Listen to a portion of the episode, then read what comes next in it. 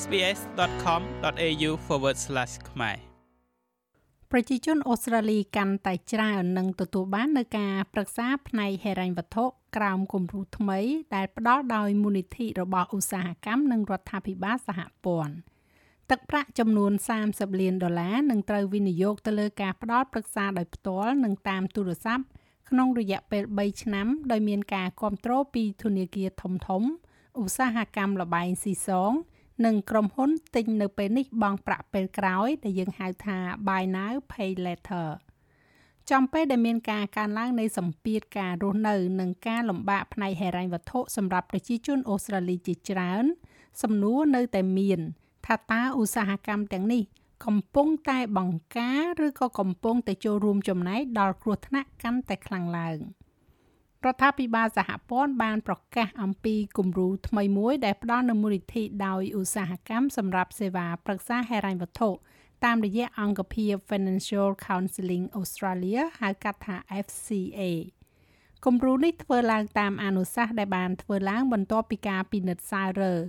Sylvan Review និង Hand Royal Commission ពិនិត្យមើលទៅលើការប្រព្រឹត្តមិនត្រឹមត្រូវនៅក្នុងវិស័យធនាគារ ប្រាក់សោធននិវត្តន៍និងឧស្សាហកម្មបម្រើសេវាកម្មហិរញ្ញវត្ថុការពិនិត្យសាររើទាំងនេះបានរកឃើញថាការផ្ដល់នូវមូលនិធិធ្លាប់ជាឧបសគ្គដ៏ធំបំផុតសម្រាប់ប្រជាជនអូស្ត្រាលីដែលជួបការលំបាកផ្នែកហិរញ្ញវត្ថុដើម្បីទទួលបាននូវការផ្ដល់ប្រឹក្សាផ្នែកហិរញ្ញវត្ថុរដ្ឋមន្ត្រីទទួលបន្ទុកសេវាកម្មសង្គមលោកស្រី Amanda Rivers មានប្រសាសន៍ថាគំរូនេះដែលនឹងជួយសម្រួលដល់ការប្រឹក្សាតទល់មុខគ្នា ចំនួន9000ដងឬក៏យើងហៅថា9000 session បន្ថែមទៀតនោះនឹងការហៅទូរស័ព្ទបន្ថែមចំនួន17000លើក តាមរយៈបណ្ដាញជំនួយបំណុលជាតិ National Debt Helpline នេះគឺជាគំរូដំបូងគេលើពិភពលោក យើងដឹងថាប្រជាជនអូស្ត្រាលីជាច្រើនដោយគ្មានកំហុសផ្ទាល់ខ្លួនរបស់ពួកគេនោះឡើយតែបញ្ចប់ដោយការលំបាកខាងផ្នែកហិរញ្ញវត្ថុហើយគំរូនេះតាមរយៈការរួមចំណែកដែលបានធ្វើឡើងដោយឧស្សាហកម្មផ្សេងផ្សេងគ្នា រួមទាំងឧស្សាហកម្មធម្មពលក្រុមប្រឹក្សាធានារ៉ាប់រង សមាគមធនាគារអូស្ត្រាលី ការភ្នាល់លបែងតាមអ៊ីនធឺណិតបានរួមចំណែកយ៉ាងសំខាន់ចំពោះគំរូនេះ ហើយវានឹងជួយផ្ដល់នូវសេវាកម្មជាច្រើនឧស្សាហកម្មដែលបានចុះឈ្មោះរហូតមកទល់នឹងពេលនេះរួមមាន សមាគមធនាគារអូស្ត្រាលីក្រុមប្រឹក្សាធម្មពលនិងធានារ៉ាប់រងព្រមទាំងស្ថាប័នសំខាន់សំខាន់ពីឧស្សាហកម្មលបែងស៊ីសង និងទូរគមនាគមន៍ហើយនឹងក្រុមហ៊ុនទិញពេលនេះបង់ប្រាក់ពេលក្រោយ គឺក្រុមហ៊ុន Afterpay លោកស្រី Alexandra Kelly គឺជានាយក Casework នៅមជ្ឈមណ្ឌលច្បាប់ស្តីអំពីសិទ្ធិហិរញ្ញវត្ថុដែលមានមូលដ្ឋាននៅរដ្ឋ New South Wales ដែលផ្ដល់ការប្រឹក្សាផ្នែកហិរញ្ញវត្ថុនៅទូទាំងប្រទេសអូស្ត្រាលីលោកស្រីស្វាគមន៍ចំពោះការបដិញ្ញាចិត្តរបស់ក្រុមហ៊ុននានានៅក្នុងការតបស្នងទៅវិញឲ្យដល់អតិថិជនដែលទទួលបាននូវការប្រឹក្សាផ្នែកហិរញ្ញវត្ថុជារៀងរាល់ថ្ងៃ។ រាល់ថ្ងៃនៅលើខ្សែទូរស័ព្ទជំនួយបំណុលជាតិអ្នកកំពុងសម្លឹងមើល Afterpay ជាកត្តារួមចំណែកឬក៏ជាមូលហេតុដែលធ្វើឲ្យលងទៅលងទៅ ជាអកុសលការលេងល្បែងស៊ីសងក៏រីករាលដាលផងដែរសម្រាប់មនុស្សជាច្រើនពួកគេពិតជាត្រូវការមិនត្រឹមតែជំនួយប្រឹក្សាផ្នែកហិរញ្ញវត្ថុប៉ុណ្ណោះទេប៉ុន្តែក៏ត្រូវការសេវាកម្មអន្តរាគមន៍ល្បែងស៊ីសងផងដែរ។ ទូនាទីរបស់ Afterpay នៅក្នុងការរួមចំណែករបស់សម្ពាធហិរញ្ញវត្ថុសម្រាប់ប្រជាជនអូស្ត្រាលី នៅតែមានភាពចម្រូងចម្រាសកាលពីខែតុលាក្រុមហ៊ុនផ្ដល់ប្រឹក្សាហិរញ្ញវត្ថុអូស្ត្រាលី បានរិះគន់សេវាកម្ម Subscribe Afterpay Plus ថ្មីរបស់ក្រុមហ៊ុននេះដែលអនុញ្ញាតឲ្យអតិថិជនខ្ចីប្រាក់តាមរយៈកាតឬក៏ទូរស័ព្ទរបស់ពួកគេដោយគ្រាន់តែ tap ខាតនោះសូម្បីតែនៅក្នុងហាងដែលមិនគ្រប់គ្រង Afterpay ក៏ដោយ។ នាយកប្រតិបត្តិស្ដីទីរបស់ FCA គឺលោក Peter Gatland មានប្រសាសន៍ថាក្រុមហ៊ុនដែលបានគ្រប់គ្រងការប្រកាសនេះនឹងមិនត្រូវបានលើកលែងទេ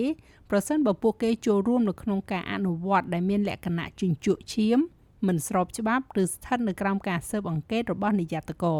Our sector continues to report វិស័យរបស់យើងបន្តរាយការណ៍ពីករណីណាមួយនៃអកប្បកិរិយាដែលមិនមែនជាផលប្រយោជន៍ល្អបំផុតរបស់ប្រជាជនហើយយើងនៅទីនោះដើម្បីគ្រប់គ្រងនិងតស៊ូមតិដូច្នេះខ្ញុំមិនដឹងថាវាជាសំណួរនៃការលាក់ពុតទេប៉ុន្តែខ្ញុំគិតថាយ៉ាងហោចណាស់គឺជាការទទួលស្គាល់ថា ពួកគេពិតជាទទួលបាននូវអត្ថប្រយោជន៍នៅពេលដែលពួកគេមានអ្នកប្រឹក្សាផ្នែកហិរញ្ញវត្ថុដែលដើរតួជំនួសអតិថិជនរបស់ពួកគេម្នាក់ម្នាក់ លោក Gatland និយាយទៀតថាជាមួយនឹងសម្ពាធអត្រាការប្រាក់និងសម្ពាធនៃថ្លៃចំណាយការរស់នៅនាំឲ្យមានការហៅទូរស័ព្ទទៅកាន់បណ្ដាញខ្សែជំនួយច្រើនជាងមុនចំនួន25,000ដងនៅឆ្នាំនេះហើយសេវាកម្មនៅក្នុងតំបន់ជនបទបានកើនឡើងហួសកម្រិតលទ្ធភាពដែលមាន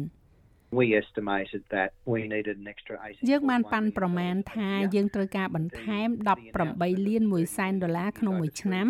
ការប្រកាសនៃថវិកា30លានដុល្លារនេះគឺមានរយៈពេលជាង3ឆ្នាំ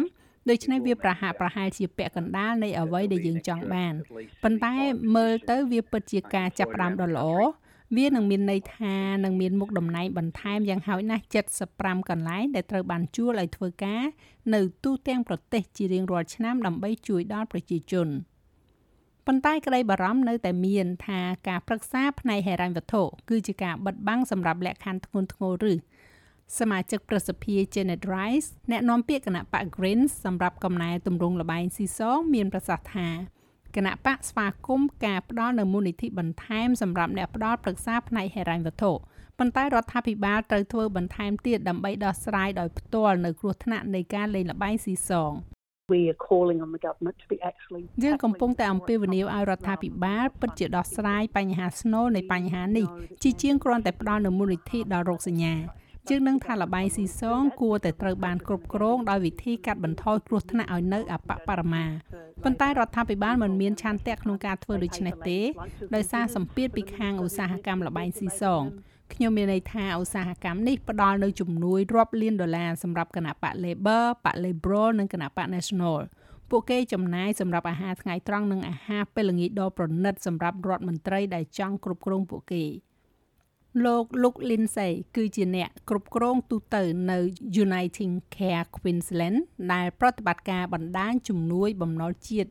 និងខ្សែទូរស័ព្ទសង្គ្រោះជីវិត Lifeline ក្នុងរដ្ឋនេះ លោកនិយាយថាដោយមិនគិតពីបញ្ហាជាប្រព័ន្ធការផ្ដល់នូវមូលនិធិនេះនឹងជួយដល់ប្រជាជនអូស្ត្រាលីនៅអ្វីដែលលោកនិយាយថា គឺជារយៈពេលមួយដែលរាប់បញ្ចូលការថប់បារម្ភបំផុតនៅពេលដែលមនុស្សឈានដល់ការគ្រប់គ្រងជាលើកដំបូង។ one of the worst things is when somebody reaches out រឿងដ៏អាក្រក់បំផុតមួយគឺថានៅពេលដែលនរណាម្នាក់ឈោងចាប់ដើម្បីសុំជំនួយដើម្បីចូលប្រើប្រាស់ជំនួយទាំងនោះហើយជំនួយទាំងនោះមិនមាននៅទីនោះសម្រាប់ពួកគេ ពួកគេមិនអាចប្រើប្រាស់បានឬក៏មានបញ្ជីឈ្មោះតម្រង់ជួររងចាំយ៉ាងច្រើនលើសលប់សម្រាប់សេវាកម្មគ្រប់គ្រងទាំងនោះដូច្នេះការបង្កើតធនធានដើម្បីធ្វើឲ្យការគ្រប់គ្រងកាន់តែងាយស្រួលសម្រាប់ប្រជាជននិងមានផលប៉ះពាល់ជាវិជ្ជមានដល់មនុស្សទាំងនោះដែលពិតជាកំពុងតែឈោងចាប់និងស្វែងរកការគ្រប់គ្រងនោះអ្នកទាំងឡាយណាដែលត្រូវការប្រឹក្សាផ្នែកហិរញ្ញវត្ថុអាចទូរស័ព្ទទៅបណ្ដាញជំនួយបំណុលជាតិ National Debt Helpline តាមរយៈលេខ 1800 007 007ចាស់ហើយរបាយការណ៍នេះចងក្រងឡើងដោយ Henry Buckley សម្រាប់ SBS News និងប្រែសម្រួលសម្រាប់ការផ្សាយរបស់ SBS ខ្មែរដោយនាងខ្ញុំហៃសុផារ៉ានីចុច like share comment និង follow SBS ខ្មែរនៅលើ Facebook